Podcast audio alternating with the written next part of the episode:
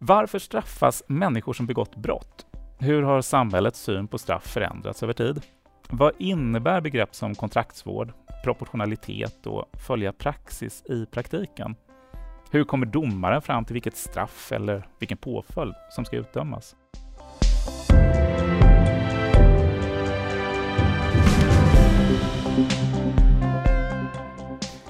Domstolspoddens tredje avsnitt handlar om straff och vi har två domare med oss för att diskutera detta spännande ämne.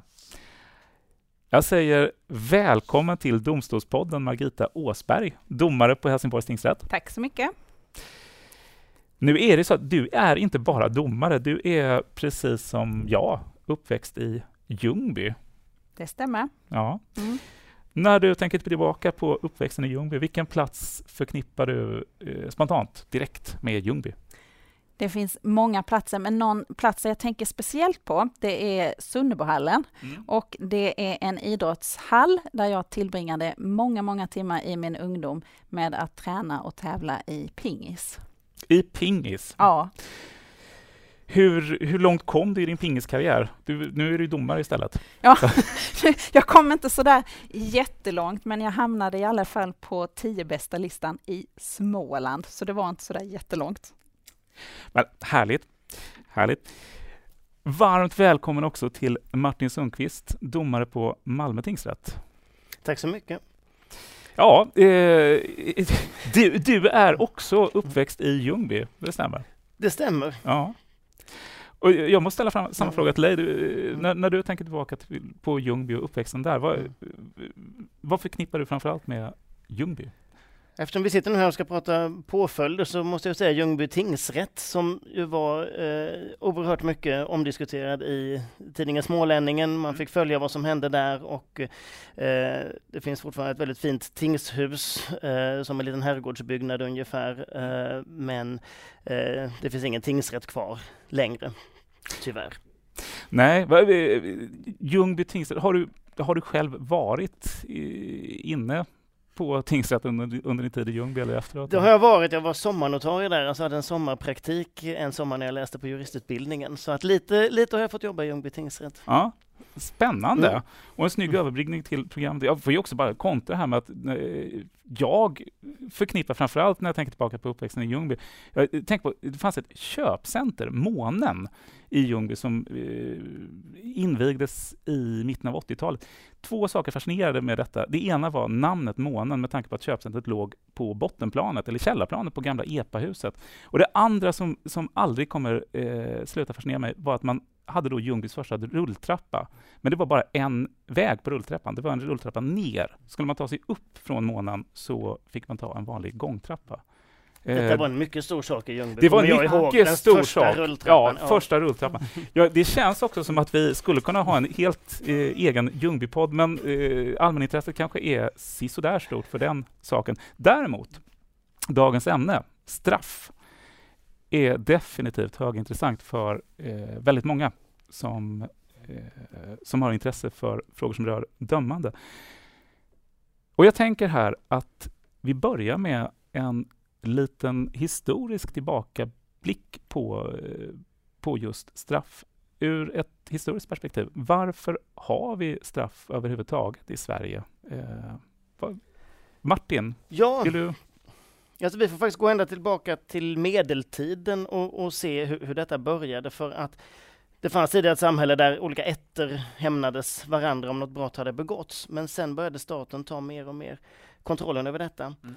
Eh, man kan se, eh, nu när vi är i Skåne och spelar in detta, Skånelagen från början av 1200-talet där det var väldigt precisa eh, brottsbeskrivningar och det var väldigt precisa straff. Eh, om man högg av någon näsan så blev det ett visst eh, straff för detta i, i, eh, i lagen. Mm. Eh, det var en viss typ av bot som skulle betalas. Om man stal så skulle man vara träl på kungens gård och så vidare. Väldigt mm. specifikt. Eh, och detta var för att staten hade tagit över detta, börjat med rättskipning, börjat med domstolar. Domarna skulle veta tydligt hur de skulle döma. Och så här var det i Norden eh, långt fram i tiden. 1734 års lag som är en känd svensk eh, lagstiftningsprodukt från 1700-talet. Eh, det är samma sak. misshandel, högg man någon i ansiktet till exempel, så blev det en bot som det var då. Mm. Målsäganden fick en del, så mm. där var skadeståndet med.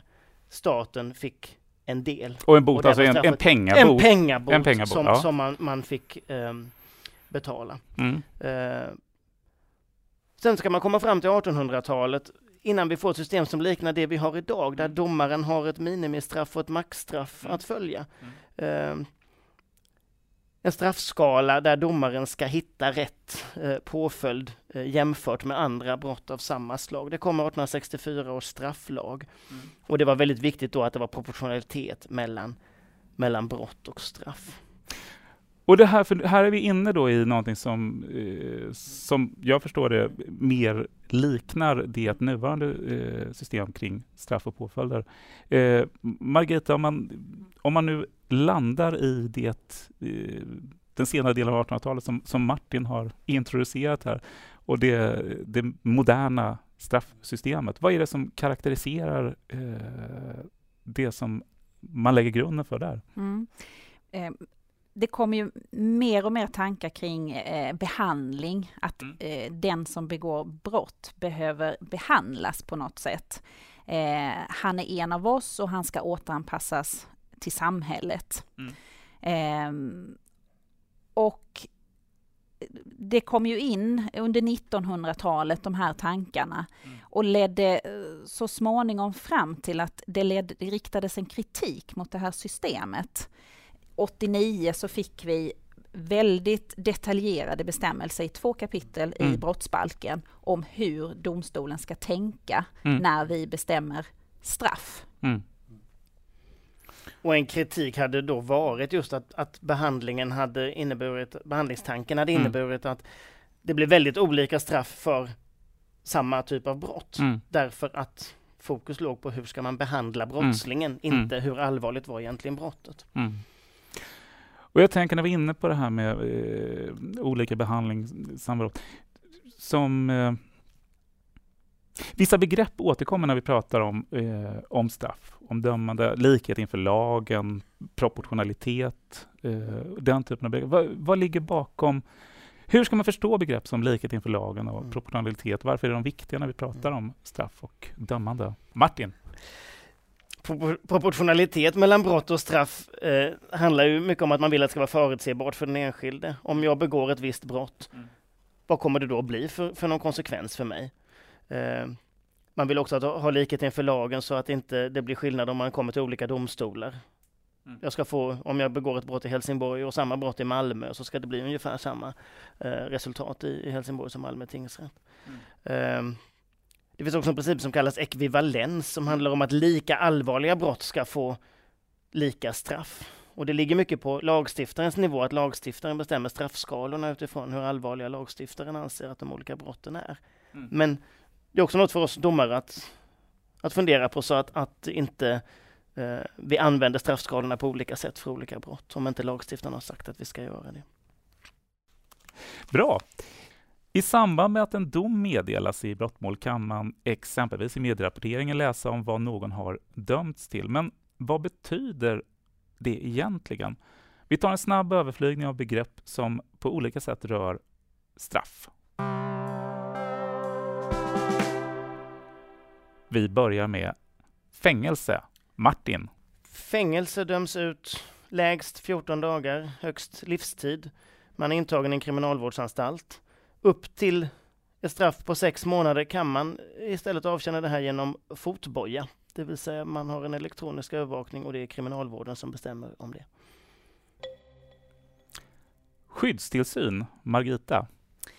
Skyddstillsyn innebär att det löper en prövotid på tre år från dag för dom.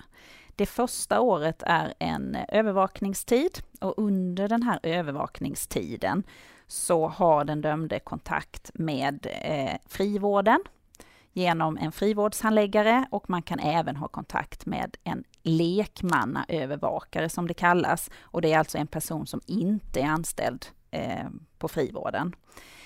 En skyddstillsyn kan också kombineras med eh, till exempel dagsböter då blir det ett hårdare straff. Den kan också kombineras med fängelse upp till tre månader. Eh, ett annat exempel är att man kombinerar den med kontraktsvård. Och kombinerar man en skyddstillsyn med en så kallad kontraktsvård så innebär det ett, ett ganska ingripande straff eftersom det oftast leder till att den dömde får befinna sig på en institution och oftast då under minst sex månader. Villkorlig dom och böter. Martin? Villkorlig dom är som en varning. Det är oftast någon som inte har dömts tidigare som kan få en villkorlig dom eh, om man tror att personen inte ska begå något brott igen. Oftast så kombinerar man det med böter eller med samhällstjänst. Alltså att man får utföra oavlönat arbete. Böter, det är oftast dagsböter. Och då finns det två belopp. Det finns ett antal böter och det beror på hur allvarligt brottet är.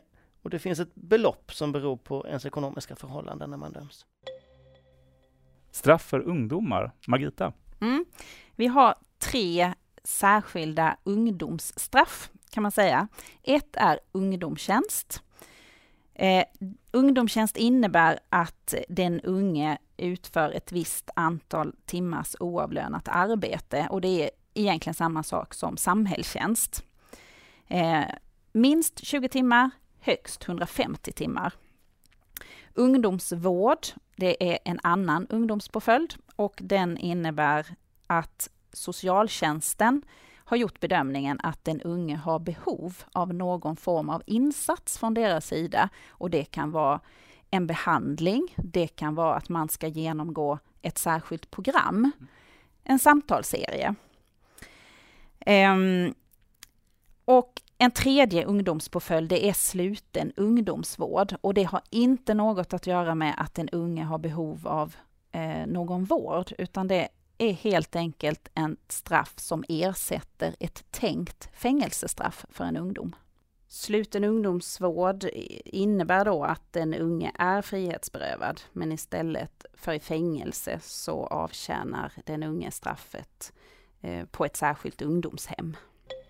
Rättspsykiatrisk vård, Martin?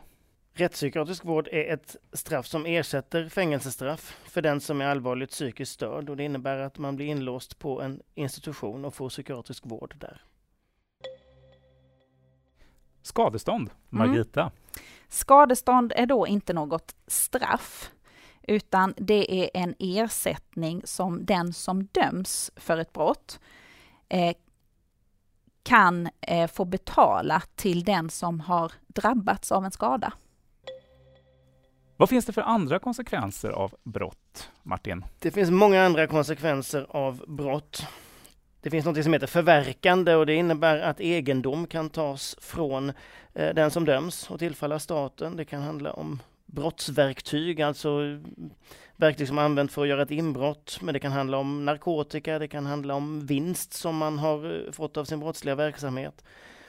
Eh, en lång rad olika eh, saker som kan, kan tas från den dömde. Men man kan också utvisas.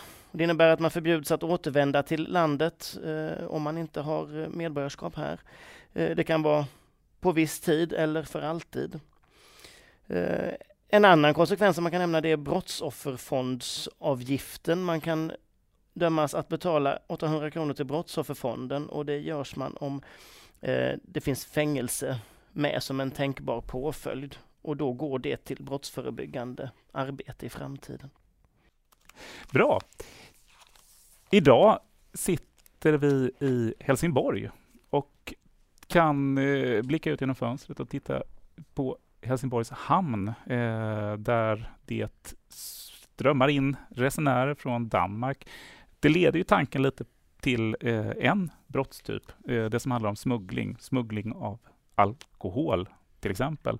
Och, eh, om man tar ett sånt om man tar ett sånt, en sån brottstyp för att börja prata straff. Eh, Margita, när någon döms för, säg, grov alkoholsmuggling, hur bestämmer du som domare vad vederbörande ska dömas till? Mm. Då har vi ju alltid att utgå från straffskalan. Mm. Och om man tar då eh, ett grovt smugglingsbrott så mm. börjar minimistraffet på sex månader. Mm. mm. Ett smugglingsbrott av så att säga normalgraden eh, börjar på böter och slutar på två års fängelse.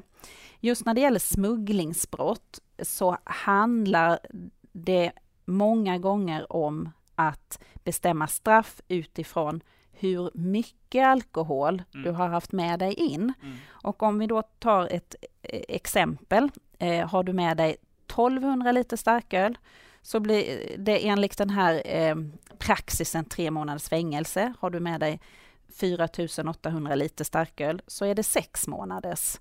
Eh, fängelse, för då blir det ett grovt brott och då ligger du på minimistraffet.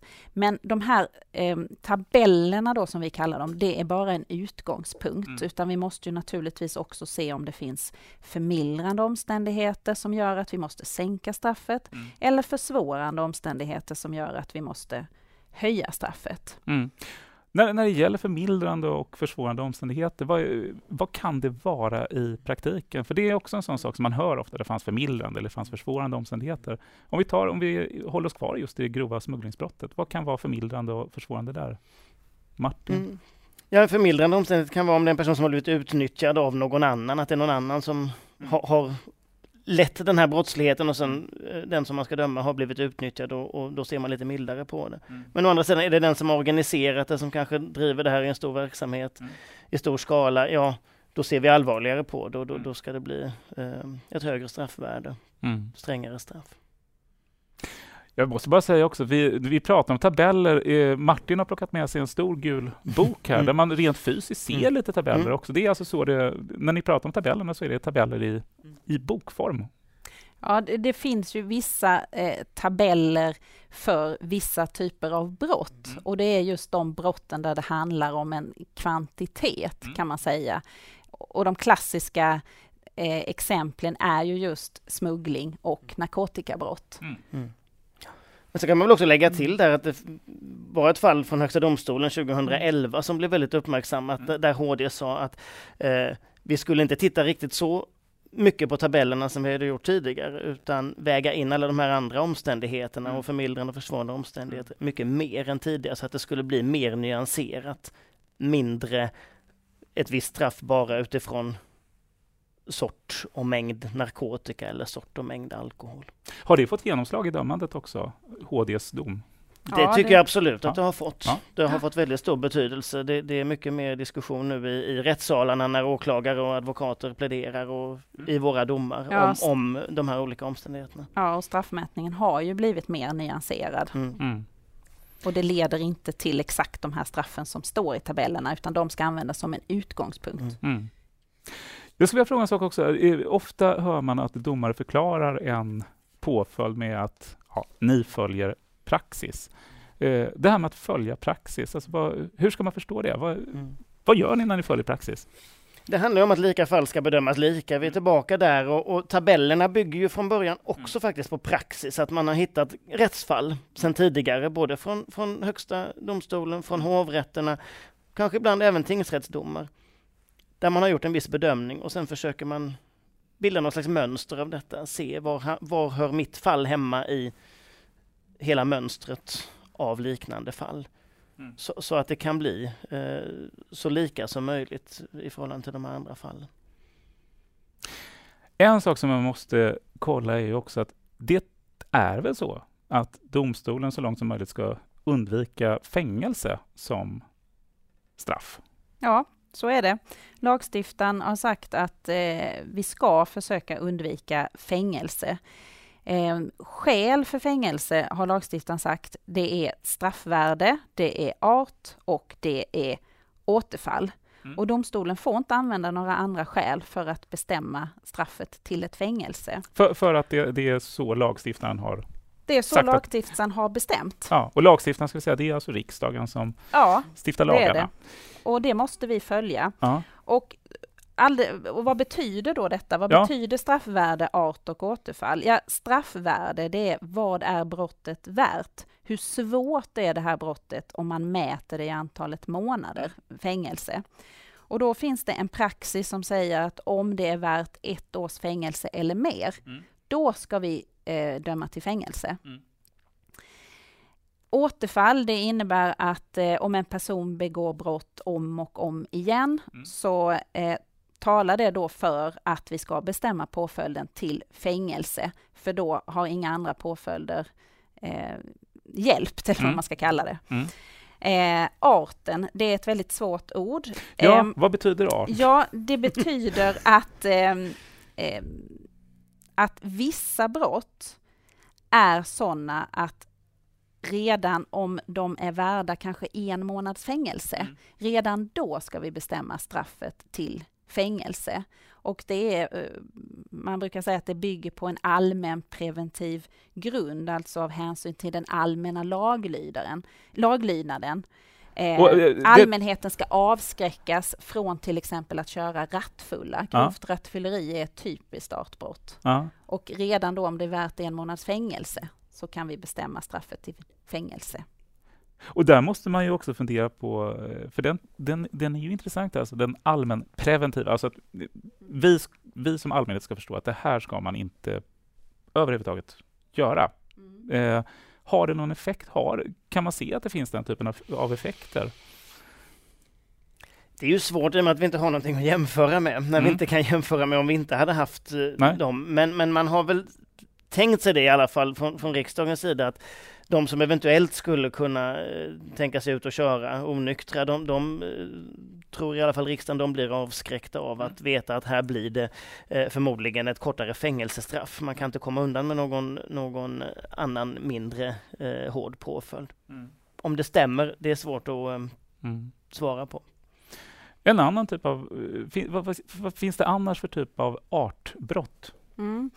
Ett exempel är mened och det är en allvarlig typ av brott, för mened innebär att du ljuger i domstol efter att ha avlagt ed. Mm. Och det ser lagstiftaren väldigt allvarligt på. Um, och där finns väldigt sällan uh, någon anledning att döma till någon annan påföljd än fängelse. Oftast då fyra till sex månader. Jag tänkte att vi skulle titta lite på en rapport som kom i september från Brottsförebyggande rådet. Eller tala om den. Den heter Enhetligt dömande i tingsrätter, en statistisk analys av andelen fängelsedomar. Eh, I den här rapporten så står det bland annat när det gäller eh, brottet grovt rattfylleri som vi pratade om tidigare. Eh, sannolikheten att dömas i fängelse är dubbelt så stor om gärningspersonen är en man jämfört med gärningspersonen är en kvinna. Vad tänker ni kring, eh, kring det som står i den här rapporten, Martin? Mm. Ja, ska man kunna svara på riktigt på detta borde man nog gå in och analysera ett antal olika tingsrättsdomar och se om det finns några skillnader som kan förklara detta eller om det är skillnader som beror på, på att vi har tagit hänsyn som vi inte ska, att, att, det, att det är hänsyn till kön som, som domarna inte borde ha tagit. Utan att ha gjort det är det väldigt svårt att svara på. Men eh, det man kan se är att när det gäller de som har fått dagsböter så finns det inga skillnader. Mm. Eh, vilket ju talar för att eh, det kanske finns någon, någon, någon annan förklaring eh, när vi är på, på fängelsenivå. En förklaring skulle ju kunna vara, men detta är nu utifrån min erfarenhet ja, några ja, fall, ja. att eh, att män kanske har lättare att säga att nej, jag har inga alkoholproblem. Nej, då blir det förmodligen fängelse. Medan jag har haft ett antal kvinnor som har sagt att jag förstår nu att jag har alkoholproblem. Jag har redan sökt behandling. Mm. Jag har, har de här samtalskontakterna.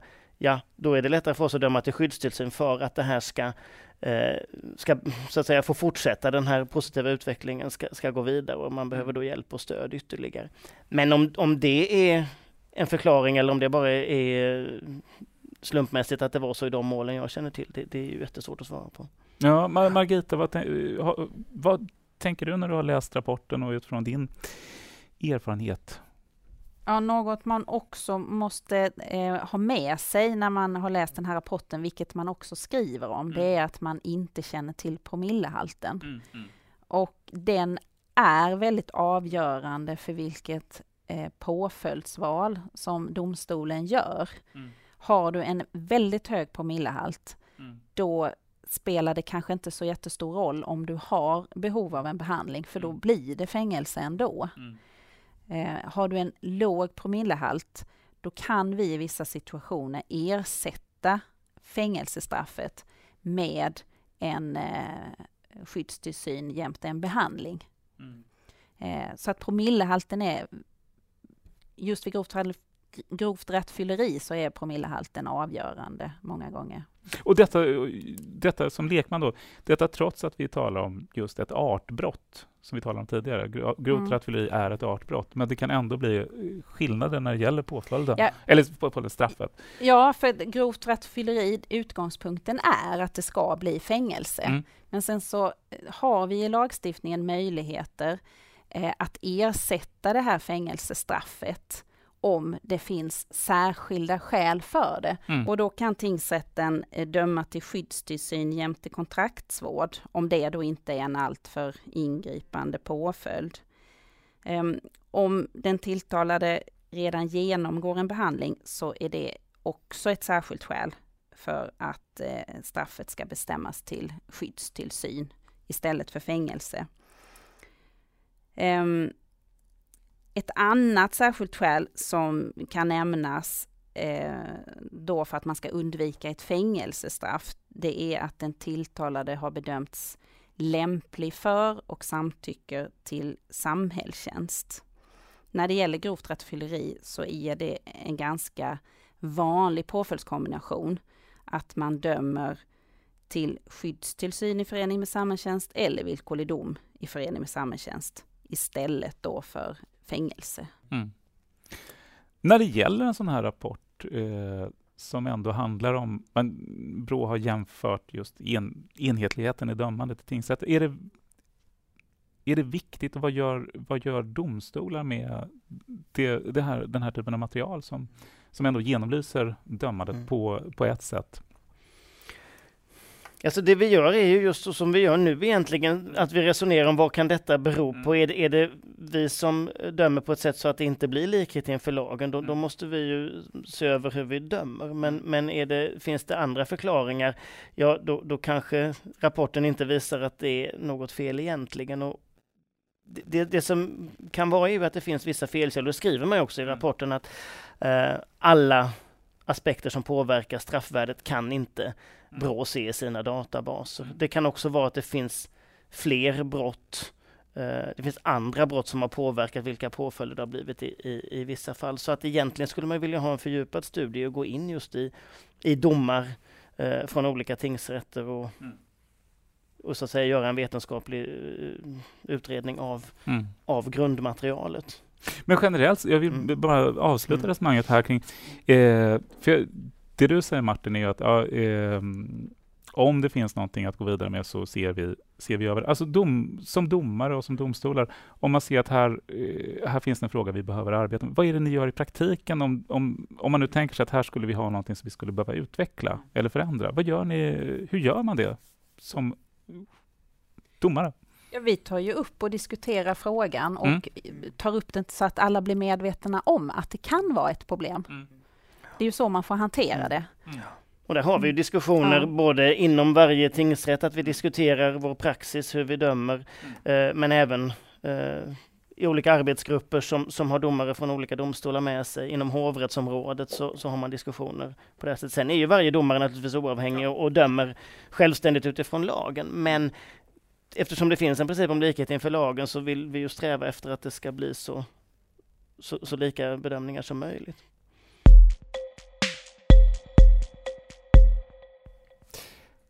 Jag tänkte att vi skulle tala lite om eh, rabatter. En, eh, det är frågor som, som eh, ofta engagerar.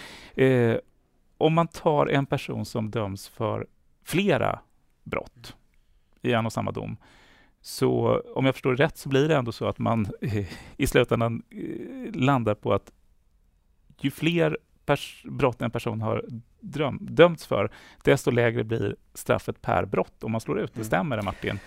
Det stämmer. Och det är det som kallas mängdrabatten ja. i, i dagligt tal. Och eh, vi har ju inte det systemet som man har i vissa länder att man bara lägger ihop mm. eh, alla straffen och så kan det bli 150 års fängelse eller något sånt. Mm. Eh, så har vi det inte. Utan man försöker hitta eh, hitta någon, något värde så att säga, som, som, som sammanfattar hela den brottsligheten som är nu aktuell. Man försöker mm. hitta no, något straff som, som är rimligt för helheten. Mm. Eh, och då blir det i praktiken en rabatt för man utgår från det, eh, det allvarligaste brottet och sen lägger man på eh, en mindre och mindre del för de, eh, för de ytterligare brotten.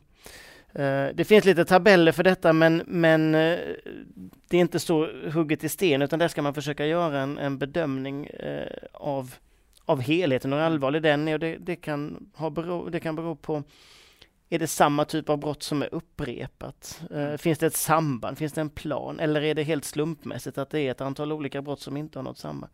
Sånt kan också påverka. Mm. Kan man, bygga, kan man för lyssnarnas skull mm. mm. hitta på ett exempel? Vi, prat, mm. vi har pratat tidigare här om mm. just grovt Eh, ja, vi har pratat om mm. grovt smugglingsbrott. Ja, Man tänker sig att det skulle kombineras mm. med ytterligare ett antal mm. brott som en och samma person står åtalad mm. för. Så att man förstår mm. hur funkar detta när vi pratar kring mängdrabatt. Precis, och har man då ett grovt smugglingsbrott, säg att det är värt sex månader mm. eh, och sen har man ett annat brott som också är värt sex månader. Då halverar man ofta för det andra. Så att en utgångspunkt kan vara att det då blir det blir inte 6 plus 6 ett år utan det blir 6 plus 3 och så mm. blir det 9 månader. Mm. Om man sen ytterligare ett brott som är värt eh, 6 månader, då, då, blir det ytterligare lite mindre eh, så man kanske kommer upp till eh, 11 månader då. Så, mm. så, så blir det så att säga en, eh, att man räknar ner mer och mer. Men det beror också lite som sagt på sambandet mellan brotten och massa andra sådana faktorer. Ja. Vem är det som bestämmer att det ska mm. vara så här? Att, att det ska vara just mängdrabatter? Mm. Det, är, det kommer från lagstiftaren eh, från början. Eh, I, I brottsbalken finns den tanken inbyggd, så att det finns ingen särskild paragraf man kan hänvisa till tror jag, men, men, men eh, det, det, finns i förarbetena och det är en ganska fast praxis hur man ska hantera detta. Så domstolarna har också fyllt i, då Högsta domstolen framför allt. Mm. Så ska man ändra på detta, det kan man naturligtvis göra, men det är svårt för oss i domstolen att göra det. Det, det kräver att, att lagstiftaren säger att nu, nu ska det hanteras på ett annat sätt med, med mängdrabatterna, att de ska avskaffas eller att de skulle bli mindre eller någonting sådant. Vi pratar ofta ibland också om ungdomsrabatter. Eh, mm. Margareta, ungdomsrabatter, vad, vad är det? Varför finns ungdomsrabatter när vi mm. pratar om straff? Eh, jag skulle först vilja säga att jag vänder mig lite mot ordet rabatt. Ja, Oj, men, jag, men ja. visst säger man eh, ja, ganska ja, ofta det, ungdomsrabatt? Ja, men, precis, det gör man ju. Mm, eh, det, är, det kallas ju så i dagligt tal, men egentligen handlar det inte om att man ger rabatt till någon som har begått brott, mm. utan det handlar ju om att man av olika skäl reducerar ett straff. Mm. och när vi pratar om just då ungdoms reduktionen, mm. så bygger den på eh, att, eh, man kan säga att den bygger mm, på tre olika ben. Att mm. dels så är det så att först när man är 21, 22, 23 så eh, är hjärnan fullt utvecklad. Mm. Den bygger också på att man anser att unga personer i allmänhet drabbas hårdare av straff än vad vuxna personer gör. Och den bygger också på att vi har en större tolerans mot ungdomar, för det är ett led i ungdomens utveckling, att man gör dumma saker. Eh, och då har även här lagstiftaren bestämt att vi ska ta hänsyn till en ung brottslings ålder. Och det ska vi göra på det sättet att begår man brott när man är mellan 15 mm. och 21 år, mm. Då ska domstolen reducera straffet. Mm. Och då reduceras straffet enligt praxis på det sättet att ju yngre du är, desto större reduktion ska du göra. Och ett väldigt enkelt exempel är att är du 18 år när du mm. begår ett brott, så ska straffet reduceras till hälften jämfört med vad du skulle ha fått om du hade begått brottet efter du hade fyllt 21 år. Mm. Och det innebär ju också att är du 15 år när du begår brottet så reduceras det ännu mer och kanske ända ner till en femtedel mm. av vad en person över 21 år skulle ha fått då. Och nu pratar jag straffvärde då. Mm. Vad är brottet värt i antalet månader? Men jag tänker för, för många utanför domstolsvärlden så tänker man, brottet blir väl knappast mindre allvarligt för att det just begås av någon som är eh, under 21 år? Eller hur ska man se på det? Nej, absolut inte, utan äh, det är ju fortfarande lika allvarligt, men mm. anledningen till att vi gör de här reduktionerna, mm. det är just av vad ska man kalla det, hänsyn då till den unge. Vi mm. måste ha större tolerans med ungdomar, mm. eh, just på grund av att de är eh, det drabbar dem hårdare än om du är vuxen. Mm. Eh, och, och, det är anledningen till att det ser ut som det gör. Mm. Och det är ju naturligtvis också något som kan ändras av lagstiftaren. Mm. Och det är ju också en, en, debatt som förs just nu om det mm. är rimligt mm. att de som är myndiga, de som är över 18 år, ska få de här reduktionerna. Mm. Om man skulle ta bort ungdomsrabatterna, eh, vad skulle det få för konsekvenser? Ser du det? Ja, tar man bort ungdomsreduktionen för 18 till 21-åringar, det kan man mycket väl göra, men då måste man ju också göra någonting åt de principer som gäller för ungdomsreduktionen för 15 till 17-åringar. För annars så blir det väldiga tröskeleffekter. Som jag sa tidigare så är det ju på det sättet att är du 18 när du begår brottet så får du eh, ett straff som motsvarar hälften av vad du skulle ha fått mm. när du är vuxen. Och tar du då bort den eh, principen att du ska ha hälften så ska du ha fulla straffet. Mm. Och är du då precis under 18 när du begår brottet mm. eller du är precis över 18 när du begår brottet så är kanske det inte riktigt rimligt att det blir den här enorma svängningen. Och då måste du göra någonting åt de principer som gäller för 15 till 17-åringar. Och det i sin tur kommer få konsekvenser eh, och leda till då att 15 till 17-åringar också kommer att eh, straffas hårdare. Mm. Som vi har varit inne på tidigare i programmet, alltså riksdagen stiftar lagarna. Eh, vi hör emellanåt från politiskt håll att man vill skärpa straff för olika brott, för att minska brottsligheten. Det gör som jag förstår också justeringar i lagen för att domstolarna oftare ska välja påföljder högre upp på straff, straffskalan. Stämmer det Martin att den beskrivningen Ja det tycker jag. Vi ser ja. ett antal sådana exempel. Vapenbrott inte ja. minst. Eh, eh, både införts eh, strängare eh, grader av, av grovt vapenbrott och synnerligen grovt vapenbrott och straffskalorna har mm. skärpts. Minimistraffen har blivit högre och det finns ju fler sådana förslag i den riktningen som är på gång. Och, eh, ja. Men hur, hur, ser, mm. hur ser ni, hur ser du på framtiden? Mm. Tror du att går vi mot hårdare eller strängare straff generellt? Inom vissa områden verkar det ju så i alla fall och, och det har väl mycket med, med den allvarligare brottsligheten eh, att göra som man kan se ja, i Malmö inte minst. Det, det har, ligger väl till grund för detta och eh, där tror jag också att att man kan knyta an till det vi sa förut om behandlingstanken som man hade under stora delar av 1900-talet, att brottslingen är en av oss, brottslingen ska återanpassas, bli en av oss och bli en samhällsnyttig medborgare. Det, det tänker man väl fortfarande på vissa områden, men kanske inte när det gäller de som begår allvarliga våldsbrott, eh, sysslar med vapen, sysslar med, med handgranater och så vidare. Där verkar inte den tanken finnas utan där verkar det mer vara att man tänker från lagstiftarhåll att här ska det vara eh, strängare straff som, som ska vara lösningen. Margareta, vill du tillägga någonting? Eh, nej men det är så som Martin sa så kan man ju se att eh, lagstiftaren på ganska kort tid nu har gjort eh, många ändringar. Mm. Det senaste, eh, ett av de senaste åtgärderna är ju att höja minimistraffen för till exempel grov misshandel. Mm. Där har man eh, från den första juli höjt från ett år till ett och ett halvt år och det är ju en ganska kraftig skärpning. Eh, det kommer ju i sin tur att föra med sig att även misshandlar som inte är grova mm. kommer också att öka i straffvärde.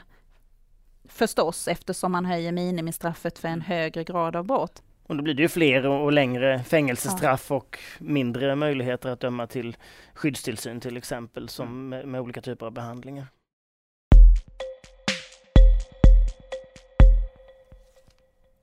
Vi har i uh, detta program av Domstolspodden uh, pratat om straff, varför vi har straff, vilka olika typer av straff och påföljder som finns. Uh, blickat lite in i framtiden. Jag vill säga mycket stort tack Martin Sundqvist, domare Malmö tingsrätt, för att du var med i Domstolspodden. Tack så mycket. Jag tänkte kolla med dig, eh, har du någon eh, fråga, något ämne som du skulle vilja höra i Domstolspodden framöver, i kommande program? Ja, en fråga som ligger mig varmt om hjärtat är de konstitutionella frågorna. Jag tänker på domarens eh, konstitutionella roll. Domaren är oavhängig, eh, har ett ansvar för skydd för mänskliga fri och rättigheter, yttrandefrihet och så vidare. Och det är ju aktuellt med tanke på en rätt sorglig utveckling vi ser i ett antal europeiska länder idag. Så mm. det, det, tycker jag är ett intressant ämne som man skulle kunna ta upp. Bra och angeläget ämne. Mm. Tack för det tipset.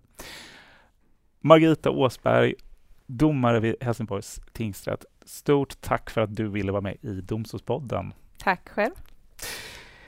Har du någon, eh, något ämne eller någon fråga som du tänker att det här skulle vara en riktig kioskvältare för Domstolspodden framöver? Kioskvältare vet jag inte, men någonting som intresserar mig väldigt mycket, ja. det är just barnet i rättsprocessen. Mm, mm. Och då finns det ju olika barn i rättsprocessen. Vi har våra unga mm. eh, brottslingar, förövare, vi har våra unga brottsoffer, mm. men vi har ju också barn som förekommer i till exempel vårdnadsmål. Mm. Och ett ämne kan ju vara barns rätt att komma till tals mm. i mm. eh, domstolsprocessen. Um, och, och, varför, eh, var, varför vill du höra om det? Vad tänker du är... Jag tänker inte minst på de här senaste diskussionerna kring eh, eh, konflikt och försoning mm. till exempel. Hur kommer barnet till tals i, i de här processerna? Konflikt och försoning mm. handlar ju om eh, att domstol och familjerätt tillsammans jobbar för mm. att det ska bli en bra lösning för barnet. Men eh, det finns ju också unga brottsoffer, unga målsäganden. Hur kan de komma till tals i en eh, brottsmålsprocess? Och sen har vi också de här frågorna som har varit eh, diskuterade på senare tid. Det är ju de frågorna om bevistalan där barn som är under 15 år mm eh, misstänks ha begått något brott. Hur får de sin eh, röst hörd? Så det finns lite olika infallsvinklar eh, på de här frågorna. Stort tack för det. Eh, och till eh, de av er som lyssnar på Domstolspodden så vill jag bara säga att ni får jättegärna, precis som Margita och Martin eh, gjorde nyss, komma med idéer, och tankar kring både vad ni tyckte om programmet och om ni har idéer kring fler program. Ni kan antingen mejla till domstolspodden dom.se eller skriva till oss på Twitter under hashtaggen Domstolspodden. Och med det sagt vill jag bara säga på återhörande och tack från Domstolspodden.